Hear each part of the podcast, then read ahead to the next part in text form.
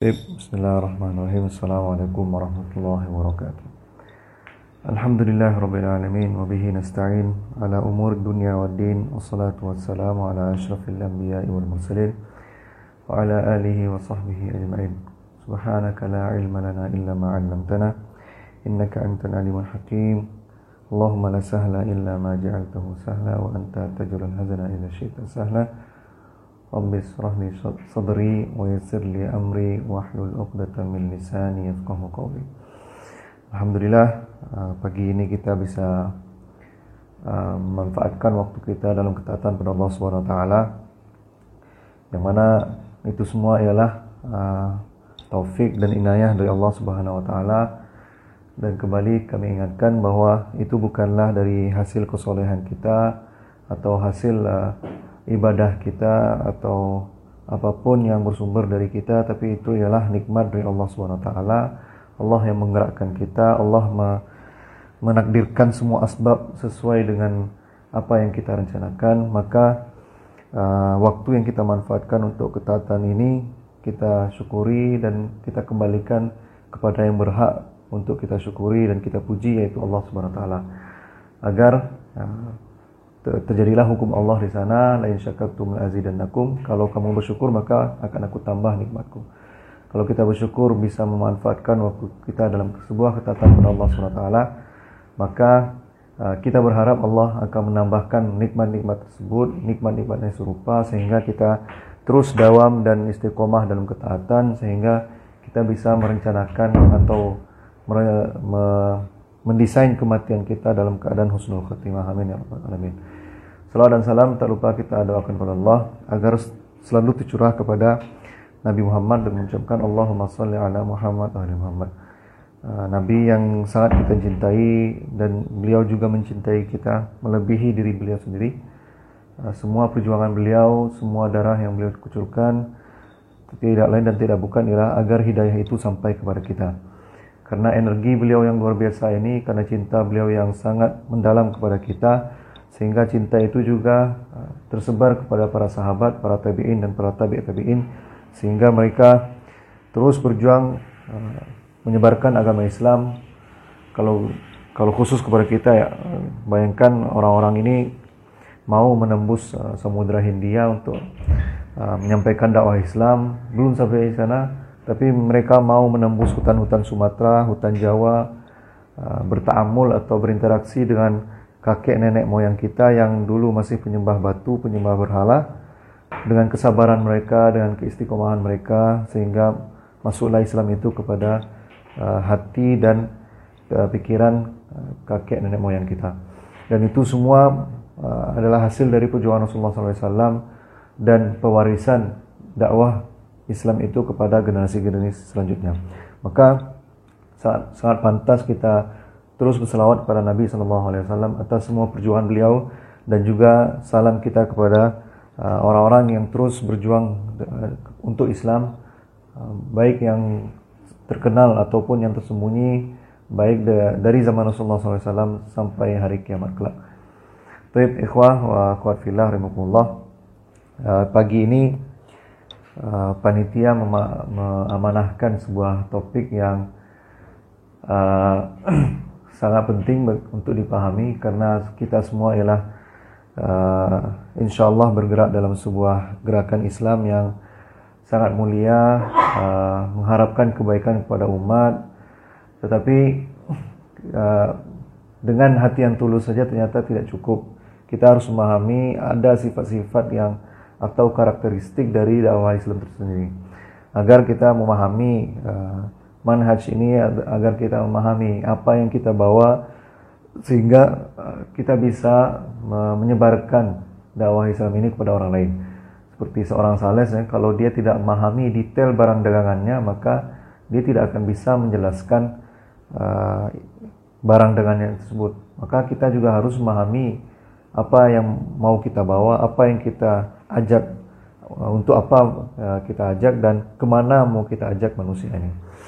Nah, uh, ikhwan fillah rahimakumullah ada banyak karakteristik dari uh, dakwah Islam ini dan secara umum ialah agama Islam ini walaupun ini bukanlah apa ter, tersirat dalam Al-Quran, tapi ini diambil oleh para ulama. Ulama memikirkan apa karakteristik dari agama kita, apa karakteristik dari dakwah Islam. Dan nanti kalau kita belajar fikih, kita belajar akidah, kita belajar banyak ilmu-ilmu Islam, maka akan kita temui semua istilah ini.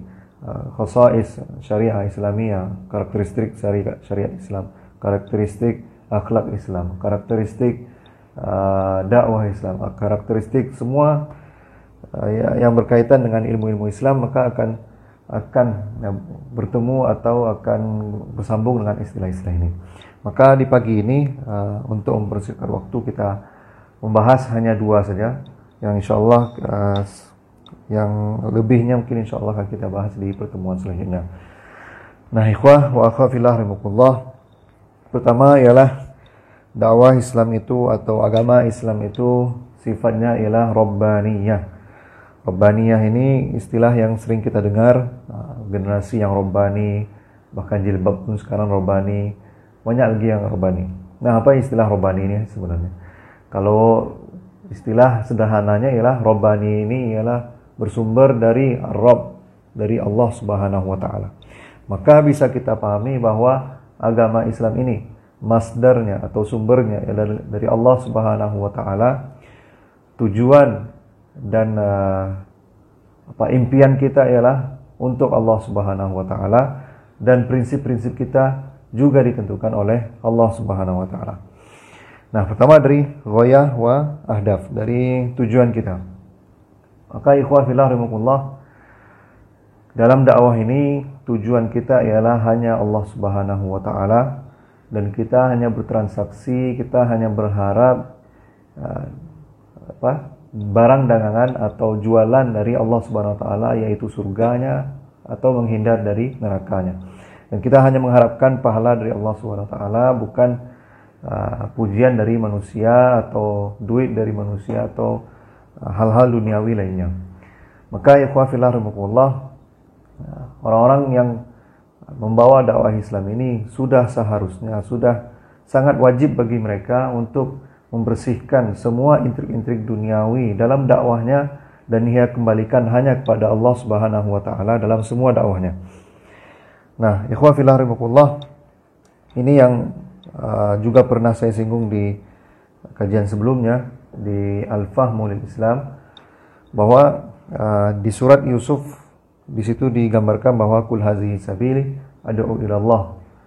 Ah, kita harus bangga dengan jalan dakwah ini, kita harus memproklamirkan bahwa inilah jalan kita. Tapi ah, apa tujuan dari dakwah kita itu ialah ad'u ila Allah. Kita mengajak pada Allah Subhanahu wa taala. Kita tidak mengajak kepada ustaz-ustaz, kita tidak mengajak kepada uh, lembaga yang kita jadikan sebagai wasilah, kita tidak mengajak kepada organisasi masyarakat kita, kita tidak mengajak kepada partai kita, tapi kita mengajak kepada Allah Subhanahu wa taala. Sedangkan wasilah-wasilah tersebut ialah untuk mengakselerasi hasil kita atau mengakselerasi hasil dari dakwah kita. Coba bayangkan kalau misalnya kita hanya berdakwah uh, dari khutbah dari mimbar ke mimbar, dari uh, live streaming ke live streaming, uh, tetapi tidak ada ditopang dengan wasilah-wasilah yang lain, maka uh, yang ada hanyalah kita hanya berbicara tetapi tidak ada evaluasi setelahnya, tidak ada eksekusi setelahnya. Bayangkan kalau kita berdakwah dengan contoh dengan uh, lembaga pendidikan, maka kita bisa me membuat atau merancang kurikulum yang sesuai dengan tujuan dari dakwah tersebut yaitu mencetak manusia yang uh, kuat, uh, yang akidahnya salim, yang ibadahnya benar sampai bermanfaat kepada umat manusia. Nah, itu bisa kita uh, kita bikin atau kita rancang kurikulumnya. Nah, itu ialah wasilah untuk dakwah dalam Islam. Ada juga orang yang menggunakan wasilah politik sebagai dakwahnya, maka uh, berapa betapa banyak sekarang pemerintah atau uh, gubernur dan wali kota yang uh, menjadikan tanda tangannya untuk menjalankan syariat Islam atau uh, menegakkan syariat-syariat Islam di daerahnya. Maka itu juga bagian dari dakwah yang kita hanya tujuan kita ialah untuk uh, mensucikan Allah Subhanahu wa taala. Tetapi, tetapi uh, kita juga memahami seperti yang dijelaskan di uh, sesi pertama yang saya sampaikan bahwa Islam yang kita pahami ialah Islam yang apa yang komprehensif uh, syumul uh, mazah apa mazahirul hayatil jami'an yang uh, membahas semua sisi kehidupan manusia. Nah, uh, kalau akidah yang didefinisikan oleh Rasulullah SAW yang tingkatan paling tingginya ialah la ilaha illallah dan yang paling rendahnya ialah imatatul adza anit menyingkirkan hal-hal yang mengganggu di jalan, maka uh, orang-orang uh, yang contoh wali kota yang memperbaiki jalan, memperbaiki lubang uh, lubang-lubang aspal, kalau dia niatkan untuk uh, imatatul azza anit maka dia masuk dalam ibadah pada Allah Subhanahu wa taala. Orang-orang yang uh, uh, hanya uh, apa? Ya menyingkirkan duri di jalan atau memperbaiki trotoar yang itu ialah dieksekusi oleh pemerintah, maka itu juga bagian dari dakwah Islam itu sendiri. Maka semua yang berkaitan dengan uh, amalan yang bisa menghadirkan ridho Allah Subhanahu taala, maka itu juga bagian dari ibadah kita dan itu juga bagian dari bentuk dakwah kita kepada Islam. Maka ikhwah wa akhwat fillah kita harus mensucikan. Tujuan kita hanya untuk Allah Subhanahu wa taala. Kita hanya bertransaksi kepada Allah Subhanahu wa taala dan yang kita harapkan hanya balasan dari Allah Subhanahu wa taala. Ada banyak orang bertanya bagaimana cara ikhlas. Walaupun uh, memang ikhlas ini ialah uh, konflik kita abadi dengan setan. Sampai kita husnu apa? Sampai kita menghembuskan nafas terakhir kita juga akan bertarung untuk masalah ikhlas ini tapi bisa kita sadari bahwa kalau orang-orang yang dulu pernah tidak ikhlas, maka dia akan merasakan betapa pahitnya uh, diacuhkan atau tidak dimuliakan oleh manusia. Cobalah sebagai contoh, antum beramal, uh, antum beramal hanya ingin mendapatkan pujian dari manusia. Nah mungkin antum mendapatkan pujian manusia, tapi pujian manusia pun kan hanya sebentar. Uh, paling apa ya, sebatas apa yang diucapkan, wah luar biasa, wah ini orang hebat ini dan lain sebagainya. Tapi kan cuma segitu. Padahal hati manusia membolak-balik. Kadang dia senang sama kita, dipujinya kita. Tapi kadang dia lagi nggak enak atau lagi baper dan lain sebagainya, maka nggak lagi ada pujian. Maka kalau misalnya kita mengharapkan pujian manusia yang berbolak-balik ini, yang tidak kokoh ini, maka kita hanya mendapatkan uh, apa hasil yang sebentar saja atau sementara saja. Tapi cobalah kita hanya bertransaksi kepada dengan Allah Subhanahu wa taala yang pahalanya abadi, yang surganya abadi, dan Allah lah yang mengatur kehidupan kita. Maka kalau kita bertransaksi dengan Allah Subhanahu wa taala, sudah kita nggak ada lagi uh, berhubungan dengan pujian manusia, kita tidak ada lagi berhubungan dengan uh, intrik-intrik duniawi lainnya, maka kita hanya mengharapkan balasan dari Allah Subhanahu wa taala. Maka contohlah sikap dari Nabi Musa ketika dia uh, dikejar oleh Firaun, lari dari Mesir lalu bertemu dengan segerombolan manusia yang tengah apa, memberi minum binatang ternaknya. Bayangkan orang baru lari buronan, tidak sempat makan, tidak sempat minum, tetapi ketika melihat dua orang perempuan yang mengembala kambing dan itu bukan budaya bagi penduduk di sana, maka dia bantu perempuan tersebut. Lalu ketika uh, dia telah membantu, maka dia uh, langsung berpaling dan pergi ke Uh, bayang-bayangan untuk dia berteduh. Bayangkan perempuan tersebut bahkan tidak sempat untuk berterima kasih pada Nabi Musa. Maka begitulah kita sebatasnya kita membantu manusia tetapi kita tidak mengharapkan pujian apa pun dari manusia karena pujian manusia hanya sementara. Uh, paling hanya sebentar apa? Uh, sekedar like, share, hanya itu. Uh, mana tahu apa? Uh, share-nya pun tidak apa? Tidak Ya, hanya sementara dan like-nya juga sementara. Sedangkan jiwa manusia ini bolak-balik, kadang dia memuji kita, kadang tidak. Maka manusia memang uh, mengecewakan. Maka yang kita harapkan ialah uh, pujian dari Allah Subhanahu taala, pahala dari Allah Subhanahu taala dan surga dari Allah Subhanahu taala. Maka Rabbaniyah ini akan meruntuhkan uh, sifat materialistik kita yaitu kita hanya mengharapkan balasan yang berupa materi maka dengan memahami Robbaniyah ini kita menghilangkan hal-hal yang berbau materialistik Yang kedua juga uh, yang tadi sudah saya singgung ialah intrik pribadi. Maka dakwah ini tidak pantas apabila kita memasukkan uh, atau menghadirkan intrik pribadi kita atau mengejar uh, capaian pribadi kita.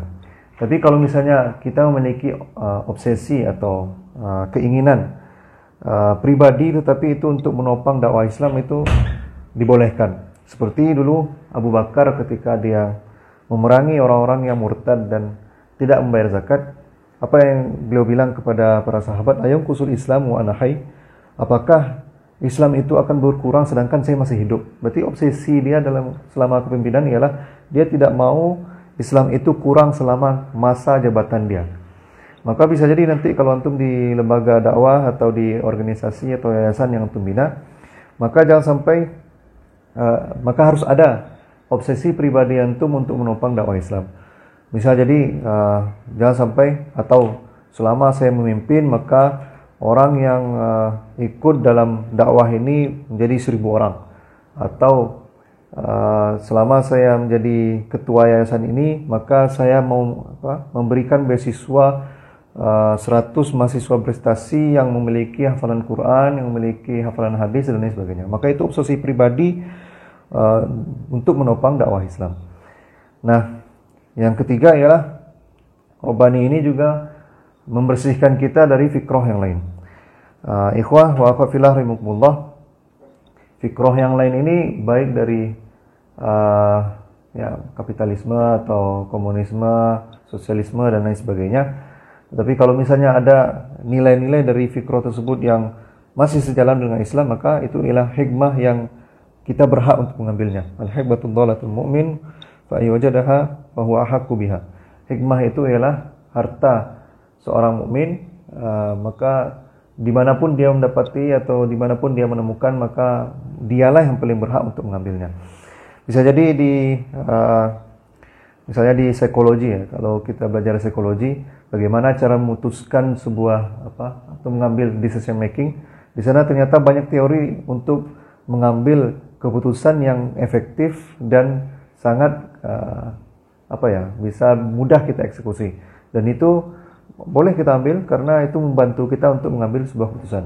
Lalu di di psikologi juga uh, ada membahas tentang bagaimana mengelola organisasi yang baik dan efektif.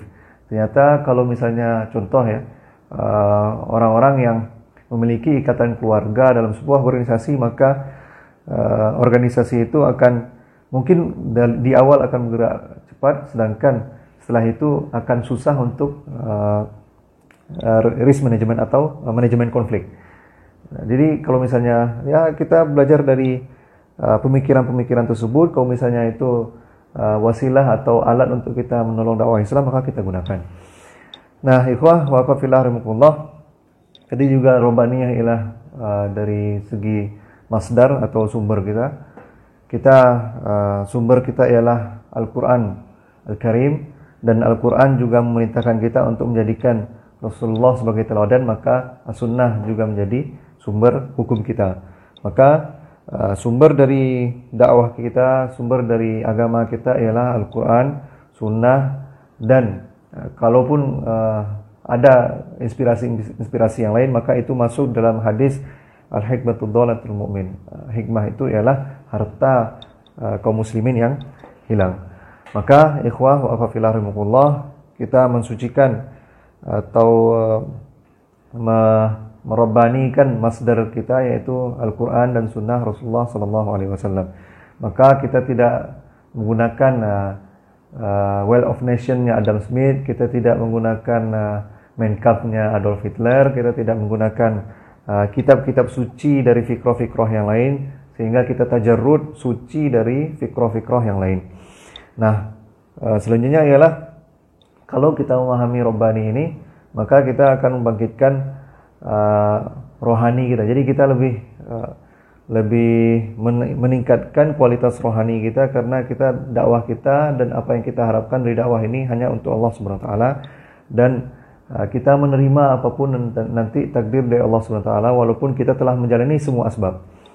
Uh, mungkin kalau misalnya kita uh, melihat ya, uh, kalau misalnya kita melihat dari zohir uh, Mus'ab bin Umair syahid atau Hamzah bin Abi Thalib syahid sebelum melihat hasil dari dakwah mereka maka kita akan kalau kita materialistik maka kita bilang bahwa wah ini dakwah ini ternyata tidak ada manfaatnya karena kita telah mati dulu sebelum melihat dari dakwah apa melihat dari hasil dakwah tersebut. Maka kita masih ada sisa-sisa materialistik dalam pikiran kita. Sedangkan dakwah ini ialah kita mengharapkan uh, Allah Subhanahu wa taala dan uh, lebih kita tingkatkan ialah roh kita. Uh, kita memahami apa? Kita mengharapkan balasan yang akan diterima oleh ruh ruh kita. Maka ikhwah fillah rahimakumullah rabbaniyah uh, sumbernya dari Allah tujuannya untuk Allah dan prinsip-prinsipnya juga ditentukan oleh Allah Subhanahu taala. Maka kalau kita melihat di di Al-Qur'an ya kunu rabbaniina bima kuntum tu'allimunal kitab wa bima kuntum tadrusun. Jadilah kalian robani. Uh, ini ayat-ayat menjelaskan tentang uh, maka yang dibasyarin ayyuti Allahul kitab wal hukmu wan nubuwah. Uh, ayat yang bercerita tentang perilaku ahlul kitab yang uh, ulama-ulamanya atau rahib-rahibnya ketika mereka telah mendapatkan uh, kitab, kitab suci, nubuah, hikmah, tetapi mereka malah menjadikan semua alat-alat dakwah ini untuk mensucikan diri mereka. Kunu apa? Lakin uh, kunu ibadah li min dunillah. Jadilah kalian penyembah-penyembahku. Tapi Islam ingin membersihkan semua, fikrah tersebut dan ingin uh, umat yang diamanahkan dakwah Islam ini mengambil pelajaran dari orang-orang yang gagal dulu mengemban amanah Islam. Mereka malah menjadikan dakwah ini untuk mensucikan diri mereka atau mensucikan kelompok mereka atau mensucikan uh, hal-hal uh, duniawi lainnya. Tapi Allah memerintahkan kita kunu rabbaniyin bima kuntum tu'alimul kitab. Nah ini uh, unik juga nih. Allah mengatakan bahwa jadilah kalian menjadi orang yang robani bima kuntum tu'allimul kitab. Allah memulai dari uh, dari apa yang kalian ajarkan dari uh, dari Al-Qur'an ini dan dari apa yang kalian pelajari. Allah mendahulukan mengajarkan daripada mempelajari. Padahal logika manusia ialah kita harus belajar dulu baru bisa mengajari. Nah, di sini khusus untuk sifat robani, maka Allah mengedepankan orang-orang yang bekerja untuk orang lain. Nah, jadi ikhwah orang, sifat orang robani itu ialah dia mengedepankan uh, khidmah dia kepada manusia, bukan uh, apa yang dia dapatkan terlebih dahulu. Walaupun sebenarnya kalau kita pakai logika ialah kita tidak akan bisa memberikan sesuatu pada orang lain kecuali kita telah memiliki barang tersebut. Fakidu syait la yu'ti. Kalau kita tidak memiliki, maka kita tidak akan mungkin memberikan kepada manusia. Maka tapi khusus untuk sifat robani di surat Ali Imran ini Allah ingin menekankan bahwa sifat robani itu ialah orang-orang yang uh, memberikan terlebih dahulu kepada orang lain. Bima kuntum tu'allimunal kitab. Dia mengajarkan kepada orang lain, dia memberikan kepada orang lain, dia memberikan pikiran dan tenaganya untuk orang lain.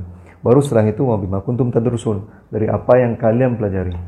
Maka ikhwah fillah jadilah uh, kita semua orang-orang robani, orang-orang yang uh, mensucikan tujuan kita hanya untuk Allah Subhanahu wa taala dan kita hanya bertransaksi dengan Allah Subhanahu wa taala agar kita tidak kecewa dalam dakwah ini, agar kita uh, tidak mengharapkan apa-apa dari dakwah ini karena kalau kita baca Al-Qur'an banyak kalimat-kalimat uh, apa uh, para nabi itu ialah tidak mengharapkan la as'alukum ajra. Kami tidak meminta kepada kalian ujrah atau uh, gaji atau dan lain sebagainya Itulah sifat para nabi karena dia telah robani dalam dakwahnya. Karena dia mensucikan tujuan dalam dakwahnya ialah ya, untuk Allah Subhanahu wa taala. Maka ikhwah fillah rahimakumullah konsekuensi dari memahami robani ini ialah kita memahami bahwa Islam itu sempurna karena yang menjadi sumbernya ialah dari Allah Subhanahu wa taala yang maha sempurna dan Al-Qur'an yang juga telah sempurna. Uh, maka kita tidak lagi apa uh, tazak atau apa ragu dengan dakwah ini. Kita tidak lagi uh, masih ada keraguan bahwa ini Islam ini sempurna atau tidak. Islam ini uh, masih ada kekurangan atau tidak. Tapi kalau kita memahami uh, konsep robani ini maka kita memahami bahwa Islam ini telah sempurna karena dia bersumber dari Allah Subhanahu wa taala dan Allah telah menyempurnakan agama ini. Dan juga karena dia bersumber dari Allah Subhanahu wa taala, maka Islam ini adalah agama yang mulia. Apa pun yang berhubungan dengan Islam, maka dia akan mulia walaupun dia tidak terkenal, walaupun dia hanya uh, ustadz yang di kampung seperti yang kata Buya Yahya, tapi karena dia uh, memiliki kaitan dengan Islam, maka dia akan mulia. Maka ikhwah fillah rahimahullah, itu dari konsep robbaniyah.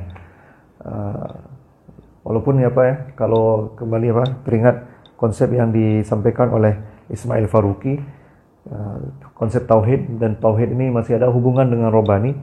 Ismail Faruqi bilang untuk mengislamisasi ilmu, maka uh, kita harus memahami konsep tauhid. Konsep tauhid ini apa? Ya, kalau yang kita pahami secara standar ialah kita mengesahkan Allah. Uh, tadi juga apa? Kita hanya mempercayai bahwa kita beramal untuk Allah, berdoa untuk Allah dan lain sebagainya. Tapi konsep tauhid dalam ilmu ialah karena kita memahami bahwa Allah lah yang menurunkan Al-Quran, maka Al-Quran sebagai sumber kebenaran yang pertama, apa, yang yang satu-satunya, maka kita memahami bahwa kebenaran itu hanya satu-satunya. Maka uh, sumber dari kebenaran itu satu, uh, kita petunjuk uh, itu satu, dan karena kita petunjuk ini bersumber dari yang maha tahu dan yang maha mengetahui, maka inilah apa kebenaran tersebut. Maka kita bisa mendefinisikan kebenaran itu dari dari sana. Tapi kalau orang tidak memahami konsep tauhid ini dan tidak memahami konsep rabbaniyah, maka dia uh, masih ada keraguan tentang Islam, dia masih akan uh, mengambil uh, fikroh-fikroh lain untuk mencapai kesuksesan. Maka dia akan mengambil apa kapitalisme sebagai wasilah dia untuk memakmurkan manusia padahal uh, semakin makmur orang menggunakan kapitalisme maka akan semakin terbuat gap antara si kaya dan si miskin itu sudah terbukti dengan bukti-bukti uh, empiris. Nah, itu pertama, robbaniyah. Itu konsep yang harus kita pahami dalam dakwah Islam ini. Yang kedua ialah alamiyah. Uh, apa ya, uni, bukan universal, tapi menembus uh, batas-batas uh, duniawi kita. Menembus batas-batas geografis kita. Maka dakwah kita ini untuk semua manusia, bukan untuk orang Nusantara saja, atau untuk orang Minangkabau saja, atau untuk orang Jawa saja, atau untuk orang yang berwarna putih, atau orang yang menggunakan bahasa uh, ini dan atau membahas, menggunakan bahasa itu. Tapi dakwah Islam ini menembus uh, uh, banyak apa suku, bangsa, menembus batas-batas uh, geografis kita. Maka ikhwah fillah banyak ayat-ayat Quran yang menyokong atau mendukung uh, konsep alamiah ini. Tabarakalladzi nazala al-furqana ala 'abdihi liyakuna lil 'alamina nadhira. Uh, Allah uh, maksudnya Allah yang telah menurunkan Al-Furqan uh, yang apa? ala 'abdihi kepada hambanya liyakuna lil 'alamina nadhira agar menjadi uh, kabar apa? sebagai peringatan bagi dunia. Maka ikhwah fillah uh, dakwah kita ini tidak bisa lagi kita uh, anggap sebagai uh, ini milik orang Arab, ini milik uh, orang Indonesia, ini milik orang Nusantara dan lain sebagainya. Maka kita harus memahami bahwa risalah Islam ini pesan-pesan uh, dari Islam ini harus kita sampaikan kepada semua manusia apa pun latar belakang mereka. Nah, ikhwah fillah kenapa dia alamiah? Karena manusia itu pada awalnya ialah dari satu yaitu Nabi Adam, nasabnya juga satu. Yang kita pahami ialah yang membedakan manusia ialah takwa ya. Takwa dia kepada Allah Subhanahu wa taala. Maka ikhwah fillah karena kita memiliki uh, ayah yang sama, kita memiliki nasab yang sama, maka itu yang dibilang ukhuwah insaniyah. Kita memiliki rasa persaudaraan dengan semua manusia. Bayangkan uh, Islam Islam yang pertama kali memperkenalkan agar kita uh, menjadikan manusia itu sebagai orang-orang saudara kita dan mereka orang yang berhak untuk kita dakwahi bukan kita jadikan musuh. Bayangkan dulu sebelum Rasulullah hadir maka orang-orang yang ada di luar batas teritorial kerajaannya maka dia akan dianggap musuh. Orang-orang yang dianggap hartanya boleh dirampas, perempuannya boleh diperkosa, anak-anaknya boleh dibunuh tetapi datanglah Islam, maka Islam mengatakan bahwa orang-orang yang di luar batas geografis geografisnya, maka mereka ialah orang-orang yang berhak untuk kita dakwahi dan mereka memiliki hak untuk kita persaudarakan. Maka ikhwah fillah karena konsep alamiah inilah yang membuat hati kita lapang sehingga kita melihat manusia itu walaupun dia kafir maka kita melihat mereka sebagai objek dakwah kita. Mereka kita melihat mereka sebagai orang-orang yang memiliki rasa persaudaraan dengan mereka sehingga kalaupun nanti ada contoh gempa bumi di Chili atau uh, di mana lagi itu di dunia lainnya lah di New Zealand lagi gempa maka kita memiliki rasa persaudaraan manusia kita untuk membantu mereka. Tetapi kita memiliki uh, fikroh bahwa mereka kita bantu karena kita memiliki apa karena mereka berhak menjadi mad'u kita mereka berhak untuk mendapatkan risalah Islam ini. Nah uh, juga dengan konsep alamiah ini kita menafikan mengajak kepada asobiyah atau mengajak kepada ustadz ini atau kelompok ini atau manhaj ini atau ini dan sebagainya tapi, tapi kita mengajak kepada Allah Subhanahu wa taala kita tidak mengajak kepada suku kita atau kita tidak mengajak kepada uh, warga negara kita atau kita tidak mengajak kepada lain sebagainya tapi kita mengajak kepada Islam dan Islam juga mengajarkan kita mencintai tanah air kita mencintai NKRI kita dan mencintai uh, uh, warga negara atau keluarga kita yang terdekat atau yang uh, yang terjauh. Maka ikhwafil di sebuah hadis laisa minna man da'a ila asabiyah walaysa minna man mata ala asabiyah. Tidak bagian dari kami orang-orang yang mengajak kepada asabiyah dan tidak juga bagian dari kami orang yang mati uh, dalam untuk asabiyah. Maka orang-orang yang berperang hanya untuk uh, merdeka karena suku dia beda dengan suku yang lain, uh, karena negara ini sukunya beda dengan suku dia, maka mereka berjihad. Kata dia ber, mereka anggap itu berjihad padahal itu ialah uh, asobiyah uh, mereka tidak berperang untuk Allah mereka tidak berperang untuk meninggikan kalimat Allah tapi mereka berperang untuk asobiyah mereka maka ikhwah fillah dua sifat ini yang harus kita pahami sehingga uh, bisa kita uh, gimana ya konsep inilah yang akan membantu kita memahami dakwah Islam dan melapangkan hati kita uh, untuk apa kita bergerak dan kepada siapa kita mengajak. Jangan sampai kita akan terpengaruh dengan uh, fikroh-fikroh yang lain. Uh, misalnya ada Islam inilah, Islam itu. Padahal Islam itu yang ada apa? Yang tidak ada embel-embel setelahnya atau sebelumnya. Uh, tetapi Islam memiliki sifat-sifat ya seperti tadi, Robbaniyah, uh, nanti ada Syumuliyah, ada Alamiyah, ada Tawazun dan lain sebagainya. Tapi kalau misalnya ada embel-embel setelahnya Islam yang moderat kah, Islam yang uh, yang Nusantara kah, Islam yang liberal kah? Ada beberapa yang pas seperti mungkin Islam moderat, tetapi itu hanya parsial ya. Islam memang moderat, tapi seakan-akan Islam itu hanya moderat. Atau Islam yang uh, humanisme, memang Islam itu humanisme, tapi nanti orang akan menganggap bahwa hanya humanisme lah yang Islam. Jadi kita harus mensucikan fikroh-fikroh tersebut sehingga yang kita pahami bahwa Islam ini ialah robaniyah, alamiyah, uh, apalagi banyak sifat-sifat Islam dan sebagainya dan jadi kita tidak memerlukan lagi ada tambahan nama dari Islam tersebut. Uh, wallahu a'lam bishawab mungkin uh, itu dari kami. Silahkan kalau ada pertanyaan atau mungkin apa koreksi juga alhamdulillah Mungkin kita hanya buka sampai 7.15 pertanyaan ini. Wa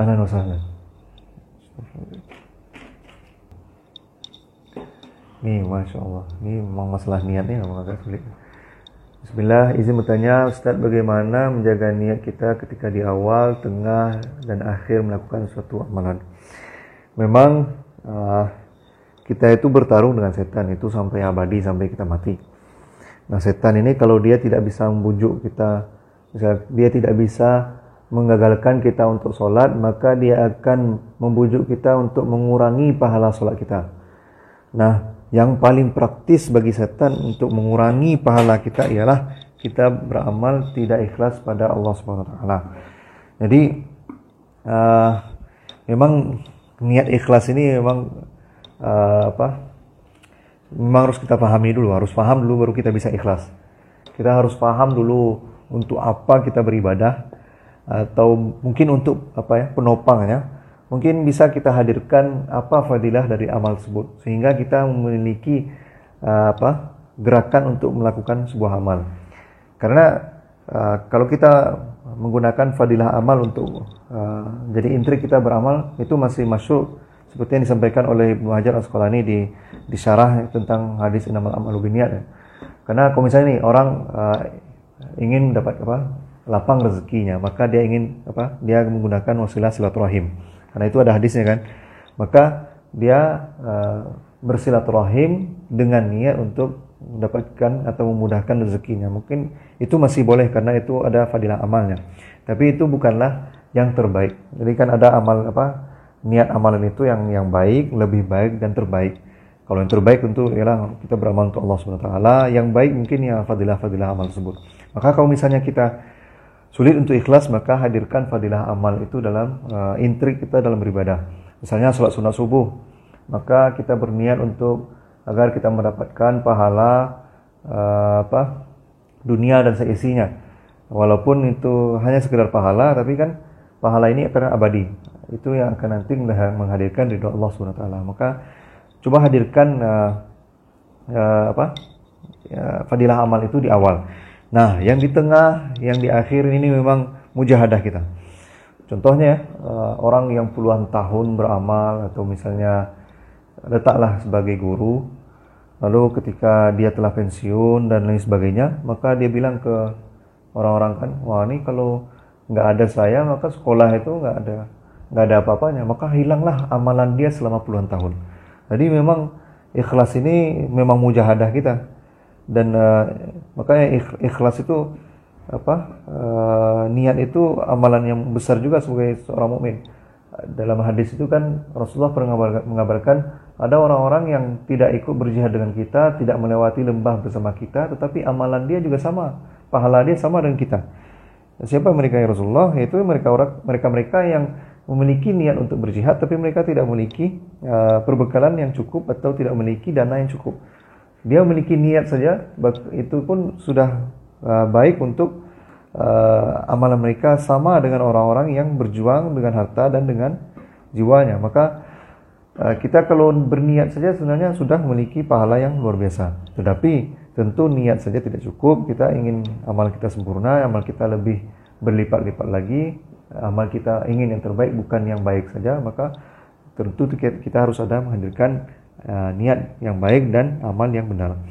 Tapi ini memang ketika di apa di tengah uh, kalau misalnya hadir bisikan setan tersebut, maka kembali kita ingat untuk apa kita bergerak Contoh yang paling mudah itu uh, ketika kita apa ikut organisasi lalu kita uh, di organisasi itu niat awalnya mungkin untuk berteman dengan orang soleh uh, walaupun itu ya itu juga fadilah amal tetapi uh, jangan jadikan itu sebagai niat itu ya karena orang soleh ini paling paling disuruh sama Rasulullah SAW untuk bersabar bukan kan wasbir nafsaka ma'al ladzina yad'una rabbahum bil ghadati wal asyi yuriduna wajhah Bahkan kita harus bersabar dengan orang-orang yang yuriduna wajah, orang-orang yang memang ikhlas pada Allah SWT. Jadi, jadi untuk apa? Uh, berniat untuk hadir di sebuah organisasi agar berteman dengan orang soleh itu bagus, tapi jangan jadikan itu sebagai tujuan utama kita. Nah, uh, ketika di tengah ini, maka ingat lagi untuk apa kita hadir di organisasi ini, untuk apa kita aktif di organisasi, apakah karena apa itu kalau apa karena jilbab pink kah atau jilbab ungu kah atau dan sebagainya maka bersihkan dari niat itu semua ingatkan kita hanya beramal untuk Allah Subhanahu wa taala bukan untuk yang lain lalu pas di akhir di akhir ini adalah kita menjaga keikhlasan kita itu dengan menyembunyikannya. Yaitu kita tidak menyampaikan dulu amalan-amalan kita sebelumnya. Kita tahan karena kita hanya mengharapkan uh, pahala dari Allah SWT sehingga kita tidak mengharapkan pujian dari manusia walaupun kita telah ber 10 tahun uh, beramal lalu kita telah pensiun misalnya sebagai guru atau sebagai uh, pekerja lainnya tapi karena kita tidak ikhlas kita sampaikanlah dulu apa kehebatan-kehebatan kita maka inilah yang mengurangi pahala kita. Jadi uh, di akhir itu ialah kita tidak menceritakan amalan kita kepada orang lain. Itu cukup ya. Jadi memang itu mujahadah kita melawan setan maka seberapa besar mujahadah kita maka di sanalah uh, perjuangan kita. Dan insya Allah dengan mujahadah pun kita juga mendapatkan pahala dari Allah SWT semoga dengan mujahadah pun menghadirkan ridho dari Allah SWT maksudnya berinteraksi dengan Allah yang sering saya katakan itu apa ya soalnya kalau kita transaksi itu kan saya ingatnya jual beli timbal balik kaitannya dengan ikhlas bagaimana itu ialah kita mendapatkan bayaran berupa pahala dari Allah SWT. Itu transaksi kita dengan Allah SWT. Jadi uh, atau kita hanya mengharapkan ridho dari Allah SWT. Jadi itu transaksi kita dengan Allah. Jadi jual beli kita ialah Allah menjualkan apa? Surga kepada kita atau pahalanya kepada kita. Maka kita beli dengan harta kita, dengan jiwa kita, dengan apa pun yang kita miliki. Bahkan contoh yang paling yang paling terbaik itu ialah kisah Nabi Ibrahim kan. Dia apa? Menginfakkan anaknya, menginfakkan apa? Mengorbankan istrinya, mengorbankan semua hartanya untuk cinta dia pada Allah SWT. Karena cintanya luar biasa inilah yang membuat kita semua umat manusia sampai hari kiamat merayakan uh, perjuangan dari Nabi Ibrahim ini. Bayangkan dari pembuktian uh, transaksi dia hanya kepada Allah taala dan dia gunakan semua apa yang dia miliki untuk bertransaksi pada Allah taala. Allah muliakan Nabi Ibrahim dan sampai hari kiamat orang-orang akan meneladani atau menjalankan ibadah yang di, di apa yang diteladani oleh Nabi Ibrahim itu ibadah haji. Maka uh, maksud dari transaksi ini adalah kita membeli surganya Allah, membeli uh, pahalanya Allah dengan apa yang kita miliki atau apa yang Allah amanahkan kepada kita. Itu mungkin ya. Ikhlas ya, karena ikhlas itu karena kita mengharapkan ya hanya pahala dari Allah, hanya ridho dari Allah Subhanahu wa taala. Ini apa lagi nih? Oke, generasi robani, generasi yang mengamalkan ilmunya dengan Allah. Izin bertanya, bagaimana kiat-kiatnya ketika kita ingin kembali berdakwah, tetapi kita tuh tengah berjalan sendiri dan berada di lingkungan yang memang tidak mendukung. Uh, cari cari lingkungan yang mendukung. Jadi, Allah, memang uh, al-jamaah luzumul haq wa in kunta Kita sebenarnya telah berjamaah walaupun kita sendiri uh, apa luzumul haq wa in kunta wahdak jadi jamaah itu ialah kita se, apa, selalu dalam sebuah kebenaran walaupun kita dalam keadaan sendiri. Tapi uh, apa kebenaran itu akan lebih baik, makanya seperti baik, ter, lebih baik dan terbaik uh, kalau kita bergerak dengan saudara-saudara kita. Maka yang kalau yang terbaik ialah uh, jamaah yang kita gerakkan atau lembaga yang kita gerakkan itu jelas ini ada ketuanya, ada bendaharanya, ada sekretarisnya, ada yang bagian dakwahnya, ada yang bagian uh, sosial masyarakatnya dan lain sebagainya. Nah itu kalau misalnya kita sendiri ya minimal kita beramar ma'ruf nahi mungkar. Kalau yang telah anda sampaikan di sesi kedua eh sesi ketiga berdakwah untuk Islam, maka dakwah itu fardu ain dengan batas uh, apa yang kita ketahui dan kepada siapa kita kenal. Jadi dakwah itu fardu ain uh, terhadap ilmu yang kita miliki dan orang-orang yang kita kenal. Jadi misalnya uh, itulah turunan dari uh, apa? sampaikan walaupun satu ayat. Jadi misalnya kita tahu bahwa ya minum minuman keras itu haram, maka kita sampaikan baik dengan paling minimal dengan hati kita mengingkarinya atau dengan lisan kita atau dengan kekuasaan kita. Kalau misalnya kita memiliki kekuasaan untuk merubahnya. Maka jangan sampai kita berhenti atau menjadikan alasan dengan kesendirian kita kita tidak berdakwah atau kita tidak menjadi orang-orang pembawa kebaikan. Maka uh, dakwah itu fardu ain dengan batas apa yang kita ketahui dan uh, dengan siapa kita uh, siapa yang kita kenal. Tapi kalau uh, ilmu-ilmu yang tidak kita ketahui maka dakwah itu menjadi fardu kifayah. Detail-detail fikih tentang atau uh, ya detail-detail mustalah hadis maka itu semuanya fardu kifayah bagi kita bagi kita yang tidak memahaminya. Jadi gitu ya. Jadi jangan sampai kita menjadikan uh, ketidakmampuan kita atau lingkungan kita menjadi penghalang untuk tidak berdakwah tetapi uh, tetap walaupun kita sendiri sampaikan uh, istilah-istilah Islam sampaikan dengan hikmah kita dengan uh, pertimbangan kita jangan sampai kita apa menyampaikan dakwah Islam itu kaku juga harus ceramah, harus ini dan itu padahal bisa jadi kita berdakwah itu mungkin dengan memberikan hadiah atau uh, memberikan apa pesan-pesan yang yang apa menyentuh walaupun itu tidak membawa uh, Islamnya itu. Allahu a'lam Afwan Ustaz, dakwah memang sudah biasa tertolak oleh objeknya. Tapi pastilah kita harus punya, tetap punya seni dan menyampaikannya. Mohon tips-tipsnya Ustaz agar meskipun tidak diterima tapi berafiliasi. Uh, jadi ini pertanyaan bocah September nih emang jadi ini akan hilang kan terus kita harus punya nah Jadi khawfilarakumullah kalau misalnya kita belajar belajar sirah ya. Jadi Rasulullah itu pernah mengirimkan syariah atau uh, apa ya batalion lah tapi bukan beliau yang memimpin. Beliau hanya mengirimkan pasukan di dekat uh, pemukiman suku-suku tertentu. Sehingga suku-suku tersebut merasa wah ini kenapa pasukan Muhammad ada di sini? Maka dia merasa wah ini tidak aman. Uh, kalau gitu kita kita udahlah berdamai dengan Muhammad karena kita tahu Muhammad ini dan orang-orang bersama mereka uh, apa apa namanya amanah dan tidak zalim maka mereka akhirnya bisa berdamai. Jadi Rasulullah pun dengan apa kalau bahasa Minang itu menggarega menggarega orang kampung saja itu menjadi wasilah dakwah beliau sehingga beliau bisa membuat perjanjian dengan uh, suku-suku uh, tersebut sehingga Rasulullah juga luasa mengirimkan dai kepada uh, kepada suku tersebut. Maka sebenarnya wasilah dakwah itu banyak Eh, mulai dari uh, apa uh, dari apa namanya sosial media dan lain sebagainya. Maka Rasulullah itu menggunakan uh, pasukannya untuk menakut-nakuti suku saja. Itu juga bagian dari dakwah sehingga orang-orang ini membuat perjanjian Rasulullah dan Rasulullah bisa apa mengirimkan dai ke kampung tersebut.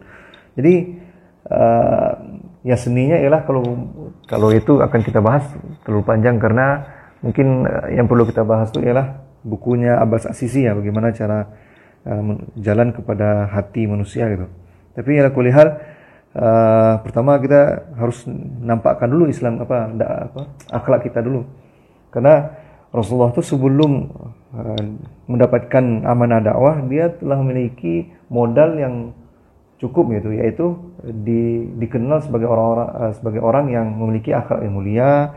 Kalau dia ngomong terpercaya, nggak akan mungkin uh, orang akan berpikiran nggak akan mungkin Muhammad ini uh, berbicara bohong gitu. Nah, jadi kita juga harus memiliki modal itu terlebih dahulu. Kita memiliki akhlak yang baik, kita uh, memiliki apa uh, interaksi kita dengan manusia juga baik, sehingga itulah yang uh, seni seni mod atau modal kita awal untuk mendakwah kepada manusia. Sehingga uh, sebelum uh, apa ilmu-ilmu yang lain, maka kita harus perbaiki dulu apa akhlak kita baru setelah itu lambat laun kita belajar terus belajar terus belajar terus. Barulah kita memahami oh ternyata ada wasilah ini ada wasilah itu. Maka uh, mungkin bisa jadi pelajari bagaimana cara uh, psikologi bagaimana untuk me, apa, mempengaruhi orang atau bagaimana berpidato sehingga menggugah orang. Maka itu bisa dipelajari dan itu memang uh, kita pelajari untuk dakwah Islam kita. Mungkin itu cukup dulu ya nah. Allah alam Ini yang bocah September ini nggak perlu bayar ya. Baik, kini itu cukup dari Yana karena udah lebih dari apa uh, waktunya. Uh, semoga apa yang apa prinsip-prinsip yang kita sampaikan ini uh, menjadikan modal kita untuk memahami dakwah Islam sehingga kita tidak uh, mengajak kepada apa uh, kepada diri kita atau kepada jamaah kita atau kepada partai kita atau kepada ormas kita tapi kita mengajak pada Allah Subhanahu wa taala tetapi partai ormas LDK majelis taklim kita itu sebagai wasilah kita untuk mengakselerasi hasil dakwah kita pada Allah Subhanahu taala. Nah, mungkin uh, prinsip-prinsip selanjutnya akan kita bahas insyaallah di kesempatan yang akan datang. Aku lu qauli hadza astaghfirullah wa lakum sallallahu ala sayyidina Muhammad wa alihi washabihi ajma'in. Subhan rabbil izzati amma yasifun wa salamun alal mursalin walhamdulillahi rabbil alamin.